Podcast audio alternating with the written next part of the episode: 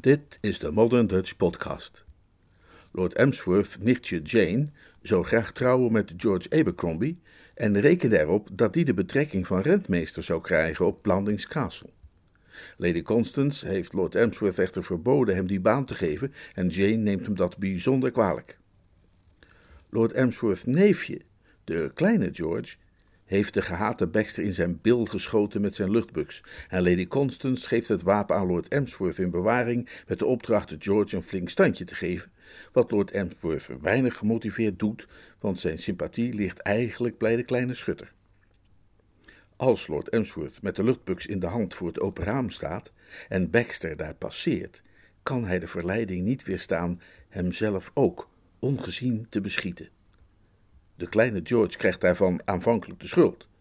Lord Emsworth beweert dat Baxter zich moet vergissen. Hij heeft volgens hem altijd al wonderlijk gedrag vertoond.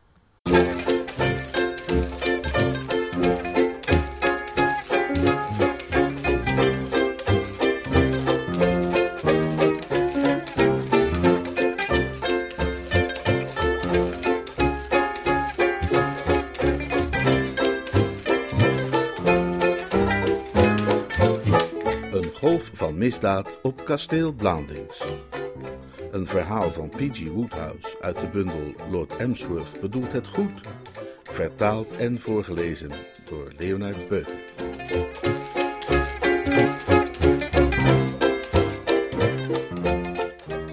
Maar het is toch zo? Dat weet jij net zo goed als ik. Bijvoorbeeld die keer dat hij in, in, in een rits bloempotten ging staan grabbelen, omdat hij dacht dat jij daar je collier in had verstopt. Ik heb nooit. Maar zeker wel, beste kerel. Ik geloof best dat je het vergeten bent, maar je hebt het echt gedaan. En daarna heb je die bloempotten om een reden die je zelf het beste zult kennen, in mijn richting gesmeten, dwars door mijn slaapkamer aan. Baxter wendde zich tot Lady Constance, terwijl hij heftig kleurde. De scène waarnaar zijn voormalige werkgever verwees, behoorde niet tot zijn favoriete herinneringen. Eh, Lord Emsworth duidt op die gelegenheid waarbij uw diamanten halssnoer was gestolen, Lady Constance. Men had mij ervan weten te overtuigen dat de dief de edelstenen verborgen had in een bloempot. Maar natuurlijk, meneer Baxter, dat weet ik toch. Nou ja, zoals u wilt, zei Lord Emsworth meegaand. Maar potjandori, ik zal niet gauw vergeten dat ik wakker werd en al die bloempotten door het raam naar binnen zag vliegen. En dat ik toen naar buiten keek en zag hoe Baxter daar beneden op het grasveld stond met een citroenkleurige pyjama aan en, en een woeste blik in zijn... Clarence! Nou, al goed hoor, maar ik noem het alleen maar even. Huh? Hallucinaties, hij heeft ze de hele tijd. Lady Constance sprak inmiddels sussend tegen de secretaris als een moeder tegen haar kind. Het is werkelijk onmogelijk hoor, dat George dit zou gedaan hebben, meneer Baxter. Dat, geweer heeft deze ka... Ze brak haar zin af. Haar welgevormd gelaat leek plotseling te verstenen. Toen zij weer sprak, was al het sussende volkomen uit haar stem verdwenen en had deze een metalen klank gekregen. Clarence! Eh, wat, wat, wat, wat is er, mijn beste? Lady Constance haalde veelbetekenend adem. Meneer Baxter, zou u ons misschien een ogenblik alleen willen laten? Ik moet Lord Emsworth even onder vier ogen spreken. Het sluiten van de deur werd gevolgd door een stilte die op zijn beurt werd verbroken door een vreemd zachtgierend geluid als van gas dat ontsnapt uit een leiding. Het was Lord Emsworth die probeerde onbezorgd te neurien. Clarence! Ja, wat is het, mijn beste Constance? De versteendheid van Lady Constance's gelaatsuitdrukking had zich elk van de afgelopen momenten geïntensiveerd. In de eerste plaats was daarvan de oorzaak dat zij zich herinnerde hoe haar broer, toen zij de kamer binnentrad, eruit gezien had als een aangeschoten eend. Eerlijke mensen, was haar opvatting, zien er niet uit als aangeschoten eenden. De enige mensen die een onpartijdig waarnemer wellicht zou kunnen aanzien voor dergelijke vogels in extremis, zijn mensen wie je geweten met een misdaad is belast. Clarence, heb jij meneer Baxter beschoten? Gelukkig was er een zeker element geweest in haar houding dat Lord Emsworth aanleiding had gegeven die vraag te verwachten. Hij was er klaar voor. Wie? ik? Ik? Op Baxter geschoten? Nou ja zeg, waarom zou ik op Baxter hebben geschoten? Op je motieven kunnen we eventueel later ingaan. Wat ik je nu alleen vraag is: heb jij dat gedaan? Maar natuurlijk niet. Het geweer is hier de kamer niet uit geweest. Op Baxter schieten. Nou ja, zoiets absurds heb ik van mijn, mijn lang zal leven nog niet gehoord. En jij bent ook de hele tijd hier geweest. Ja, nou, en wat dan nog? Stel je voor dat het zo is. Stel je voor dat ik op Baxter had willen schieten.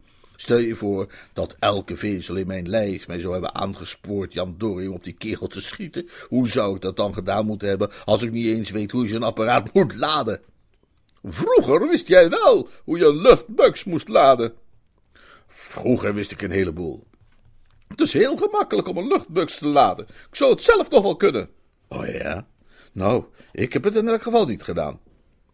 En hoe wil jij dan verklaren dat meneer Baxter is beschoten met een luchtdrukgeweer dat de kamer niet verlaten heeft waar jij in was? Lord Emsworth verhief zijn handen bezwerend ten hemel. Ja, hoe weet jij of hij wel met deze windbuks is beschoten? Lieve hemel, de manier waarop vrouwen conclusies trekken uit niks. Hoe weet jij dat het niet een andere luchtbuks was? Hoe weet jij of het hier niet, niet, niet wemelt van de luchtbuksen, hè? Hoe, hoe weet jij of, of Beach niet een luchtbuks heeft, of, of iemand anders? Nou, ik kan me nauwelijks voorstellen dat Beach op meneer Baxter zou schieten.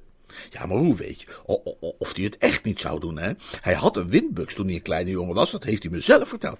Ik zou die man maar goed in de gaten houden. Doe alsjeblieft niet zo belachelijk, Clarence. Nou, ik doe het niet half zo belachelijk als jij, om te zeggen dat ik op mensen schiet met windbuksen. Waarom zou ik op mensen schieten met windbuksen? En hoe denk je dat ik Baxter zou hebben, hebben, hebben kunnen raken van zo'n afstand? Wat voor afstand? Hij, hij, hij, stond nog op het terras. Hè? Hij heeft het met zoveel woorden gezegd dat hij op het terras stond. En ik was hierboven. Je zou wel een hele goede schutter moeten zijn om die kerel op zo'n afstand te raken. Wie ben je wel dat ik ben? Zo'n kerel die, die, die appels schiet van het hoofd van zijn zoon? zijn argumentatie klonk onmiskenbaar overtuigend. En bracht Lady Constance aan het wankelen. Ze trok een weifelende frons. Nou, het blijft anders heel vreemd dat meneer Baxter er zo zeker van is dat hij door een schot werd getroffen. Daar is helemaal niets vreemds aan. Het zou niet eens vreemd zijn als, als, als Baxter ervan overtuigd was dat hij een knolraap was. En, en, en, dat een wit konijn met rode oogjes hem had gebeten. Jij weet best, al wil je het niet toegeven, dat die kerel knettergek is. Clarence! Of jij nou Clarence zegt of niet, die kerel is, is, is van, van, van, lotje getikt, weet je. En, dat is hij altijd geweest ook. Ik heb hem toch, toch zelf om vijf uur in de ochtend met een citroengele pyjama aan bloempotten naar mijn raam zien staan gooien vanaf het gazon. Dat hele gedoe is overduidelijk het product van een zieke verbeelding. Op hem geschoten, nou ja, ik heb nog nooit zulke onzin gehoord. En, en, en nu? Zei Lord Emsworth, terwijl hij krachtdadig overeind kwam. Hm, nu ga ik de tuin in om eens naar mijn rozen te kijken. Eh, ik was hier naar mijn kamer gekomen om even rustig een beetje te kunnen lezen en nadenken. Maar zolang ik hier ben, lopen er stoeten mensen in en uit en zeggen dat ze met mannen gaan trouwen die Abercrombie heten, of dat er op ze geschoten is, of dat ik op ze geschoten heb en ga zo maar door en ga zo maar verder potverdorie. Een mens kan haast net zo goed proberen om even rustig wat te lezen en na te denken midden op Piccadilly Circus. Ha! zei Lord Emsworth, die nu dicht genoeg bij de deur was gekomen om naar zijn gevoel veilig die onaangename uitroep te kunnen produceren. Ha! zei hij en voegde er voor de zekerheid een royaal ha! aan toe, alvorens ras de kamer te verlaten. Maar zelfs nu vond zijn gekwelde geest geen vrede. Om de vrije buitenwereld te bereiken vanuit kasteel Blandings met de bibliotheek als startpunt, moet je de grote trap af en dan door de hal. Aan de hal grenst links een klein schrijfkabinet en op de drempel van dat kabinetje stond Lord Emsworth's nicht Jane. Joehoe, riep ze, oom Clarence. Lord Emsworth was niet in de stemming voor joehoeende nichtjes. George Abercrombie mocht dan graag met dat meisje converseren en eventueel Herbert Lord Rogate, maar hij wilde rust en eenzaamheid. Hij had in de loop van de middag zoveel vrouwelijk gezelschap opgedrongen gekregen, dat al was de schone Helena op de drempel van het schrijfkabinet verschenen om naar hem te joehoeën, hij enkel zijn pas zou hebben versneld. Hij versnelde ook nu zijn pas. Uh, uh, geen tijd, kindje, geen tijd. Hoor je wel, hoor. Arend zoog met de vaste hand, zei Jane en verdraaid. Lord Emsworth vond plotseling weer tijd. Hij stond dermate abrupt stil dat bijna zijn onderste ruggenwervels verschoven. Zijn onderkaak en zijn pince vielen naar beneden, waarbij de laatste aan zijn lintje bleef bungelen als een treuzenend blaadje in de herfstwind. Pistolen, opa? De koning der scherpschutters? Altijd prijs? Treed hier een ogenblikje binnen, o Clarence, zei Jane. Ik zou even iets met u willen bespreken. Lord Emsworth trad een ogenblikje binnen. Hij volgde het meisje in het schrijfkabinetje en sloot de deur zorgvuldig achter zich. Uh, je, je, je hebt me toch niet gezien? huiverde hij. En of ik u heb gezien, zei Jane. Ik heb het hele geval van begin tot eind met grote interesse gevolgd. Lord Emsworth strompelde naar een stoel. Met een glazige blik op zijn nicht zonk hij erin neer. Ieder die wel eens heeft kennis genomen van de wijze waarop in, laten we zeggen, het Chicago van de jaren dertig werd zaken gedaan, zal met hem kunnen meevoelen. Wat immers het leven zo zuur maakt voor de betere schutter, en hem er wel eens aan doet twijfelen of het allemaal wel de moeite waard is, is de neiging van buitenstaanders om op ongelegen momenten er hun neus tussen te steken. Telkens wanneer je een zakelijk geschil met een concurrent hebt opgelost met behulp van je semi-automatische wapen, blijkt er natuurlijk juist weer een oplettende getuige voorbij te zijn gekomen, en daar sta je dan, geconfronteerd met een nieuw probleem. In feite was Lord Emsworth er beroerder aan toe dan zijn fictieve confrater uit Chicago, want die laatste zou zijn probleem hebben kunnen oplossen door de getuigen te elimineren. Dat treurig genoegen werd hem onthouden. Een vooraanstaand groot grondbezitter in Shropshire, die een naam heeft op te houden binnen het graafschap, kan niet zijn nichtjes elimineren. Alles wat hij kan doen, wanneer ze hem in de misdaad hebben zien wentelen, is een glazige blik op hen werpen. Ik zat eerste rang tijdens de hele voorstelling, legde Jane uit. Nadat ik bij u was weggegaan, had ik me verstopt in de bosjes, om zonder dat iemand het merkte eens goed te kunnen huilen, om die gruwelijke vreedheid en onmenselijkheid van u. En terwijl ik mij daar de oog uit het hoofd stond te wenen, zag ik u plotseling naar het raam van de bibliotheek sluipen, met een angstaanjagend sluwe blik op uw gezicht en het luchtdrukgeweer van kleine George in uw hand. Ik vroeg me net af of er niet ergens een steen lag die ik tegen uw kop kon smijten, want dat leek me nu precies waar u al die tijd om gevraagd had, toen ik zag dat u het geweer tegen uw schouder zette en ergens op mikte. Het volgende ogenblik viel het schot en hij klonk een kreet en baadde Baxter in zijn bloed op het terras. En terwijl ik daar zo stond, werd ik getroffen door een merkwaardige gedachte. En het was deze. Wat zal tante Constance daar wel van zeggen als ik het haar vertel? Lord Emsworth slaakte een zacht, gorgelend geluid, als de doodsnik van de aangeschoten eend waar zijn zuster hem mee had vergeleken. Je gaat het haar toch niet vertellen? Waarom niet? Koortsachtige stuipen doortrokken Lord Emsworth. Ik smeek je, vertel het haar niet, kindje. Je weet hoe ze is. Ik zou het mijn leven lang moeten horen. Ze zou het u zuur maken, denkt u? Dat zou ze zeker. Dat denk ik ook, ja. En dat zou uw verdiende loon zijn. Maar kindje toch. Nou niet dan. Kijk eens hoe u zich misdragen heeft. Er alles aan gedaan om mij mijn levensgeluk te ontnemen. Ik wil jou helemaal niet je levensgeluk ontnemen. Niet? Nou, ga dan hier aan dit bureau zitten en schrijf een kort briefje voor George waarin u hem die betrekking geeft. Maar, maar, maar, wat zei u daar? Ik zei alleen maar, maar. Doe dat maar liever niet nog eens. Wat ik van u verlang, oom Clarence, is een vlotte en vriendelijke afhandeling. Bent u er klaar voor? Hm? Geachte heer Abercrombie. O, ik, uh, ik weet niet hoe ik dat uh, moet schrijven, zei Lord Emsworth op de toon van iemand die een uitweg heeft gevonden waar alle betrokkenen zich bij neer zullen kunnen leggen. Voor de spelling zal ik wel zorgen. A, B, Ab, E, R, R, C, R, O, M, Krom, B-I-E-B. Hm? Die lettergrepen vormen samen het woord Abercrombie. En dat is de naam van de man waar ik van hou. Heeft u dat? Uh, ja, zei Lord Emsworth met een grafstem, dat uh, heb ik. Dan gaan wij verder. Geachte heer Abercrombie, ter bevestiging van onze recent, een R, een E en verder een cent, hè? Ter bevestiging van ons recent onderhoud. Maar ik heb die man eh, van mijn levensdagen nog niet gesproken. Dat doet er niet toe, het is maar een formulering. Ter bevestiging van ons recent onderhoud heb ik het genoegen u de betrekking aan te bieden van rentmeester op kasteel Blandings. Onmiddellijke indiensttreding heeft onze voorkeur. Hoogachtend, Emsworth. E-M-S-W-O-R-T-H.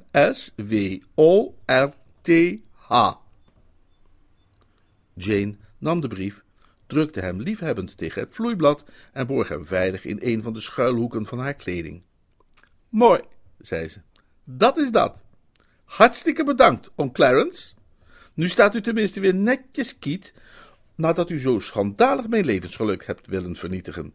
Hele valse start was dat, maar tenslotte bent u toch triomfantelijk over de streep gekomen. Ze kuste hem met tedere aanhankelijkheid en verliet het vertrek. Lord Emsworth zeeg op zijn stoel ineen en probeerde zijn blik te sluiten voor het visioen van zijn zuster Constance, dat voor zijn geestesoog verrees. Wat Connie zou zeggen als ze vernam dat hij in weerwil van haar uitdrukkelijk bevel die jonge man. Hij peinsde over Lady Constance en vroeg zich af of er ergens in de wereld nog wel iemand anders zou zijn die zo door zusters op zijn kop werd gezeten als hij zelf. Het was zwak van hem, dat besefte hij wel, om zich op te rollen tot een dispulcatief balletje, telkens als hij werd geattaqueerd door niet meer dan een zuster. De meeste mannen reserveerden dergelijk lafhartig gedrag voor hun vrouwen, maar het was altijd zo geweest, al sinds de dagen van zijn kindertijd, die hij zich zo goed herinnerde. En nu was het te laat om nog te veranderen, vreesde hij. De enige troost die hij in deze duistere stonden mocht smaken, was de gedachte dat, hoe slecht hij er ook voor stond, hij er ontegenzeggelijk minder slecht voor stond dan hij ervoor had kunnen staan. Zijn gruwelijk geheim was tenminste veilig. Dat onbezonnen ogenblik van herwonnen vreugde uit zijn jongensjaren zou nu in elk geval nooit tegen hem gebruikt kunnen worden. Connie zou nooit te weten komen wiens hand die fatale trekker had overgehaald. Een vermoeden kon ze hebben, zekerheid nooit. En ook Baxter zou het nooit zeker weten. Baxter zou langzaam worden tot een oude grijze pantalone, maar voor immer zou deze zaak een onoplosbaar mysterie voor hem blijven. Het was maar goed, vond Lord Emsworth, dat die verrekte kerel niet aan de deur had geluisterd tijdens dit recente onderhoud. Op dat moment klonk er achter hem een geluid. Hij draaide zich om om te zien wat het was. De oorzaak van het geluid werd tevens de oorzaak van een stuipachtige beweging, waarmee hij met gevaar voor intern letsel van zijn stoel opsprong. Boven de vensterbank van het open raam verrees een traag, als van een lijk uit het graf, om zijn moordenaar te beschamen, het hoofd en de schouders van Rupert Baxter. De avondzon viel op zijn bril, en het was Lord Emsworth als smulde het vuur in het oog van de draak. Rupert Baxter had niet aan de deur staan luisteren. Daar was geen enkele noodzaak toe geweest. Recht onder het raam van het schrijfkabinet van kasteel Blandings bevindt zich aan de tuinzijde een rustieke bank. Daarop had Rupert Baxter tijdens het zojuist weergegeven gesprek van begin tot eind gezeten. Was hij daadwerkelijk in de kamer geweest, dan had hij het iets beter kunnen horen, maar niet veel. Wanneer twee mannen tegenover elkaar komen te staan, van wie de een recentelijk met een luchtbuks op de ander heeft geschoten, terwijl de ander net ontdekt heeft wie de schutter was, komt het maar zelden voor dat het gesprek meteen prettig loopt. Men bespeurt al gauw een zekere ongemakkelijkheid, wat de Fransen aanduiden als gêne. Wat er tijdens de eerste halve minuut van deze ontmoeting gebeurde op vocaal gebied, was dat Lord Emsworth zijn keel schraapte, om meteen daarna weer tot zwijgen over te gaan. Het is mogelijk dat die stilte zich voor onbepaalde tijd zou hebben gehandhaafd, wanneer Baxter niet tenslotte aanstalten gemaakt zou hebben om zich terug te trekken. Tot dat moment had hij zijn voormalige werkgever aangestaard, wiens gelaat een open boek was, waaruit zelfs voor een lezer met gering onderscheidingsvermogen een aantal hoogst verwarrende emoties was af te lezen. Hij deed nu een stap naar achteren, waarop Lord Emsworth afasie plotseling afliet. Baxter! In de stem van de negende graaf klonk een dringend appel. Het was niet vaak zijn wens dat Rupert Baxter zou blijven om met hem te praten, maar thans bezat hij in hoge mate het verlangen hem nog enige tijd te kunnen toespreken. Hij wilde sussen, uitleggen, verontschuldigen. Hij was zelfs bereid, mocht het noodzakelijk zijn, de man in zijn oude betrekking als privésecretaris te herstellen, mocht dat de prijs zijn voor zijn zwijgen. Baxter, mijn beste kerel! Een hoge tenor, die vanuit een gekwelde ziel bijna reikt tot aan de hoogste A, bezit een dwingende kwaliteit waaraan zelfs een man van Rupert Baxter's mentale descriptie zich moeilijk kan onttrekken.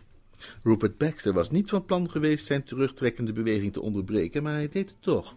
En Lord Emsworth, die inmiddels het raam bereikt had en zijn hoofd naar buiten gestoken, zag opgelucht dat hij nog binnen het effectief bereik viel van het zoetgevoerde woord. Uh, zei hij, heb jij misschien een ogenblikje voor me? De brillenglazen van de secretaris blikkerden koeltjes. U wilde mij spreken, Lord Emsworth? Dat is het, uh, precies, ja, stemde Lord Antworth in, alsof hij blij was met een bijzonder gelukkige formulering van wat er aan de hand was. Ja, ik wilde je even spreken. Hij wachtte even en schraapte opnieuw zijn keel. Vertel eens, uh, Baxter, vertel me eens, beste. Keel, was jij, uh, zat jij, uh, zat jij hier op deze bank? Inderdaad. En heb jij dan toevallig gehoord waar mijn, mijn nicht en ik er over spraken? Inderdaad. Dan denk ik, dan uh, veronderstel ik, dan uh, dat misschien, mogelijkerwijs, je vast verbaasd was over wat je te horen kreeg. Ik was volslagen verbijsterd, zei Robert Baxter, die zo op een ogenblik als dit niet met mindere woorden wilde laten afschepen. Lord Emsworth schraapte voor de derde maal zijn keel. Uh, daar uh, wil ik je graag even alles over uh, vertellen, zei hij. Oh, zei Rupert Baxter. Ja, ik ben bijzonder blij dat ik de gelegenheid heb je daar even alles over te vertellen, zei Lord Emsworth, hoewel met minder enthousiasme in zijn stem dan men zou verwachten bij een man die bijzonder blij is met de gelegenheid om iemand even alles over iets te vertellen. Uh, stel me zo voor dat, dat wat mijn nicht zei misschien uh, een verkeerde indruk gewekt zou kunnen hebben. Volstrekt niet. Dat er misschien een uh, vertekend beeld heeft kunnen ontstaan. Integendeel. Als, als ik het mij goed herinner, namelijk, deed zij het voorkomen door de manier waarop ze het zei. Kan mijn nichtje de impressie gewekt hebben door haar woorden, laten we zeggen voor iemand die het toevallig zou horen, klonk het misschien alsof ik opzettelijk met dat geweer op jou zou hebben gemikt. Precies.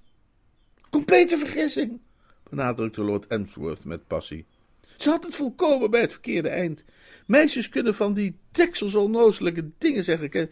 Kan een hoop gedoe veroorzaken en mensen volkomen oversturen. Dat ze, een stuk zorgvuldiger zouden ze moeten zijn. Hè? Wat, wat, wat, wat werkelijk gebeurd was, beste kerel, was dat ik toevallig uit het raam van de bibliotheek keek met dat geweer in mijn hand. Hè, en dat, dat ik zonder het te merken mijn vinger op de trekker moet hebben gelegd. Hè, want plotseling, zonder enige waarschuwing, hè, niemand zo verbaasd als ik, hè, ging dat vervloekte ding af, zeg. per ongeluk. Is dat zo? Volkomen, volkomen per ongeluk. Ik zou het heel vervelend vinden als je zou denken dat ik op je zou hebben aangelegd. Aha. Ik zou het ook erg vervelend vinden als je iemand over die ongelukkige gebeurtenis zou vertellen op een manier die haar, uh, die een mens uh, de indruk zou kunnen geven dat ik speciaal op jou zou hebben gemikt. Oh ja? Lord Emsworth kon zichzelf er niet echt van overtuigen dat de houding van zijn gesprekspartner heel bemoedigend was. Hij had het gevoel dat ze maar weinig opschoten. Ja, nou, zo was dat dus, zei hij na een tijdje. Ik begrijp het. Zuiver per ongeluk. Niemand zo verbaasd als ik. Begrijp het. Ook Lord Emsworth begreep het. Hij begreep dat het moment was gekomen om zijn laatste kaart uit te spelen. Dit was geen moment om terug te schrikken voor de consequenties. Geen moment om te denken aan de prijs die moest worden betaald. Hij zou moeten voortschrijden tot voorbij die uiterste grens. Zeg eens, uh, Baxter, zei hij, wat, wat uh, doe jij nu zo op het ogenblik, Baxter? Wel, zei de ander, zonder het geringste spoor van aarzeling, ik sta eigenlijk op het punt Lady Constance te gaan opzoeken. Een stuipachtige slokdarmbeweging verhinderde Lord Emsworth een ogenblik te spreken. Ik bedoel, vervolgde hij nog rillend, nadat de stuipen weer wat tot bedaren waren gekomen, dat, ik van mijn zuster heb begrepen dat jij op het ogenblik beschikbaar, hè? dat jij, eh, die, hoe heet die kerel, die Amerikaanse kerel, nou, en ik hoopte eigenlijk, mijn beste Baxter.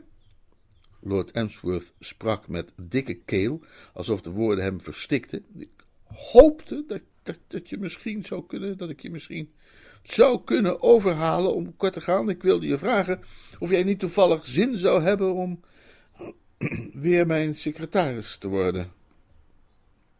Hij blies even uit en tastte naar zijn zakdoek om zich het voorhoofd droog te wissen. De gruwelijke woorden waren eruit en die wangeboorte maakte dat hij zich zwak en verslagen voelde. Dat wilde u mij vragen? riep Rupert Baxter uit. Precies, bevestigde Lord Emsworth met holle stem. Rupert Baxter's wezen onderging een grote verandering ten goede. Het was of de woorden van Lord Emsworth een toverspreuk waren geweest, waardoor met licht en vreugde vervuld kon worden wat zich tot dan toe vertoond had als een brildragende donderwolk, eerder dan als iets menselijks. Hij hield op dreigend boven de omgeving te hangen. Hij wekte zelfs niet meer de indruk elk ogenblik veel vertakte bliksemschichten te kunnen gaan loslaten op hooggelegen objecten en eenzame passanten. Hij ging zelfs zover een glimlach te produceren. En als die glimlach een glimlach was die Lord Emsworth het gevoel gaf dat zijn stofwisselingsorganen met een slagroomklopper werden omgewoeld, dan was dat niet zijn schuld. Hij probeerde zonnig te glimlachen. Dank u, zei hij. Het zal mij een genoegen zijn. Lord Emsworth zweeg. Ik ben altijd heel gelukkig geweest op het kasteel. Lord Emsworth zweeg. Dank u zeer, zei Robert Baxter. Wat een prachtige avond is dit. Hij verdween uit het zicht en Lord Emsworth bestudeerde de avond. Het was, zoals Baxter gezegd had, een prachtige avond, maar het schonk hem niet de vertroosting die prachtige avonden hem gewoonlijk boden. Er leek iets verderfelijks in verborgen te zijn. De ondergaande zon bescheen dapper de siertuin waar hij op uitkeek, maar het waren nu meer de langer wordende schaduwen dan het licht van de zon die hun indruk nalieten op Lord Emsworth. Zijn hart ging gebogen onder het gewicht der smart. O, zegt de dichter, welk kleverig web weeft toch ons eerst bedreven vals bedrog. Het was al net zo, realiseerde Lord Emsworth zich met ons eerst bedreven geschiet met windbuksen. Eén enkel zorgeloos schot los uit de pols, op een bukkende Baxter, en zie eens welk een oogst, welk een vergelding.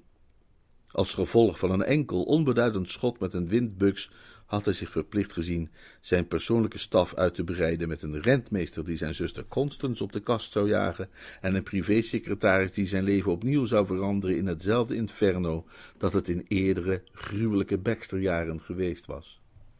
Hij had zichzelf nauwelijks in grotere problemen kunnen brengen wanneer hij erop losgeknald had met een machinegeweer. Het was met trage en ongeconcentreerde schuifelpas dat hij tenslotte het schrijfkabinet verliet om het onderbroken voornemen te voltrekken eens aan zijn rozen te gaan ruiken. En zo sterk in sombere gedachten verzonken was hij daarbij, dat zijn trouwe butler Beach, die hem achterna gekomen was nadat hij zo ongeveer een half uur aan rozen geroken had, wel twee keer zijn stem had moeten verheffen eer hij Lord Emsworth zover kon krijgen zijn neus los te maken uit een gloire de Dijon. Hè? Wat? Een bericht voor u, milord. Een bericht? Eh, van wie? Van meneer Baxter, milord. Als Lord Emsworth minder door zorgen zou zijn verteerd, zou hij hebben opgemerkt dat Butlers stem zijn vertrouwde klankvolle toon ontbeerde. Hij klonk mat. Hij miste de juiste resonantie. Het was de stem van een butler die zijn sprankel had verloren. Zelf al evenzeer in de put, was Lord Emsworth niet geneigd tot een grondige stemanalyse van zijn butler. Hij nam daarom zonder meer de enveloppen van het dienblad en peuterde die zonder veel animo open, zich afvragend waar Baxter hem berichten over zou sturen. Het briefje was dermate bondig geformuleerd dat hij in een enkele oogopslag zijn vraag beantwoord zag. Lord Emsworth, na hetgeen is voorgevallen, zie ik mij genoodzaakt terug te komen op mijn besluit de functie van secretaris die u mij aanbood te aanvaarden. Ik zal het kasteel onverwijld verlaten. R. Baxter.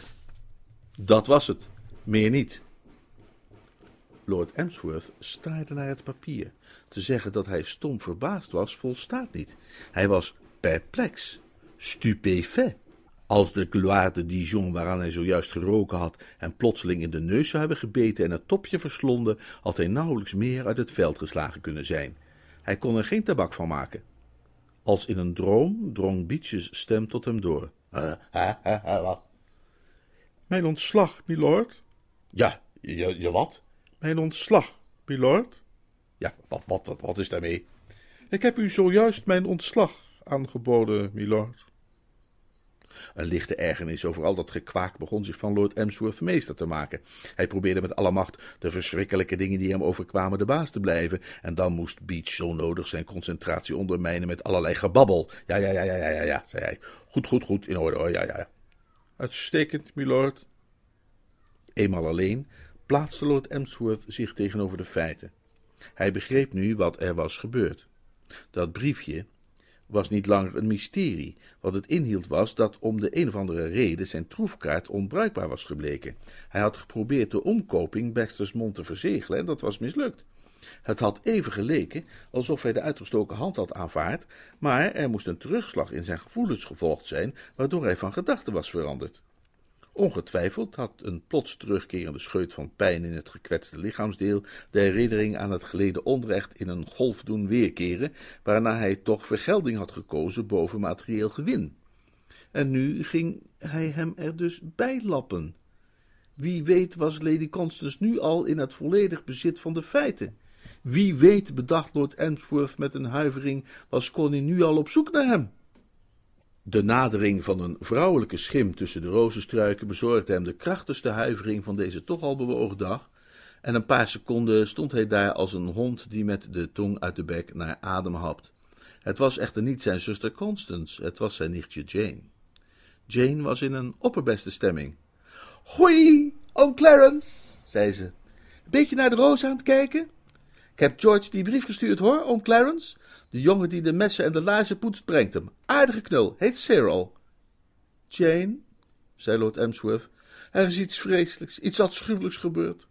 Baxter zat buiten voor het raam van het schrijfkabinet toen wij ons gesprekje hadden, en hij heeft alles gehoord. Oh jeetje, nee toch? Jawel, woord voor woord. En hij gaat alles aan je tante vertellen. Hoe weet u dat? Lees dit maar. Jane nam het briefje van hem aan. zei ze, nadat ze er een blik op had geworpen. Het lijkt me dat u maar één ding kunt doen, oom Clarence. U moet uw poot stijf houden. Uh, mijn poot? U weet wel wat ik bedoel. Wees flink, wees stoer. Als tante, als tante Constance u op uw kop wil zitten, moet u uw handen in uw zij zetten en uw hoofd schuin houden en uit de hoek van uw mond praten. Nou, wat, wat moet ik dan zeggen? Goeie hemel, er zijn wel honderd dingen die u zou kunnen zeggen. Oh ja, joh, bijvoorbeeld. Of, oh, is dat zo? Of, uh, dacht jij dat? Of, wacht eventjes. Dan moet jij eens even luisteren, schatje. Of gewoon, tieft op. Uh, op? Ja, dat betekent, maak als de gesmeerde bliksem dat je wegkomt. Ja, maar dat, dat, dat kan ik niet tegen, tegen Connie zeggen. Dat ze moet maken dat ze als de gesmeerde bliksem wegkomt. Hoezo niet? Bent u dan niet de baas in uw eigen huis? Uh, nee, zei Lord Emsworth. Jane dacht even na. Uh, ik zal zeggen wat u dan moet doen. Glashard ontkennen. Uh, kan dat? denk je? Tuurlijk kan dat. En dan gaat tante Constance het bij mij navragen en dan ontken ik het ook, categorisch. We ontkennen het gewoon allebei categorisch. Ze zal ons wel moeten geloven, het is twee stemmen tegen één. Maak u zich maar geen zorgen om Clarence. Alles zal recht komen. Ze sprak met het luchthartig optimisme van de jeugd, en toen ze even later verder liep, had ze het gevoel een oom achter te laten die volkomen op zijn gemak was gesteld. Lord Emsworth kon haar een vrolijk liedje horen zingen. Hij voelde niet de neiging in te stemmen met het refrein. Hij wist allerminst haar zonnige kijk op de zaken te delen. Hij blikte in de toekomst en ontwaarde niets dan duister. Er was maar één manier om zijn gedachten af te leiden van deze onheilspellende verwachtingen. Maar één manier om een kortstondige vergetelheid te vinden van wat in de schoot der toekomst lag. Vijf minuten later was Lord Emsworth in zijn bibliotheek met Wiffles, over de verzorging van varkens op schoot. Er is echter een grens voorbij welke de toverkracht van zelfs de edelste schrijver zijn werkzaamheid verliest. Wiffle was goed, dat staat buiten kijf, maar zelfs hij was niet goed genoeg om de gedachte te bevrijden van een zorgenlast als die welke Lord Emsworth bedrukte. Dat van Wiffle te verlangen was Wiffle overvragen. Het was alsof van hem verlangd werd een man aangenaam te onderhouden en te vermaken die op de pijnbank is vastgebonden. Lord Emsworth begon dan ook reeds concentratieproblemen te ondervinden bij de lectuur van dit toch zo perfecte proza en kreeg ook de kans niet die te overwinnen toen Lady Constance op de drempel verscheen. Aha, Clarence, daar ben je. Eh, uh, ja, ja, zei Lord Emsworth met zachte en nogal geforceerde stem.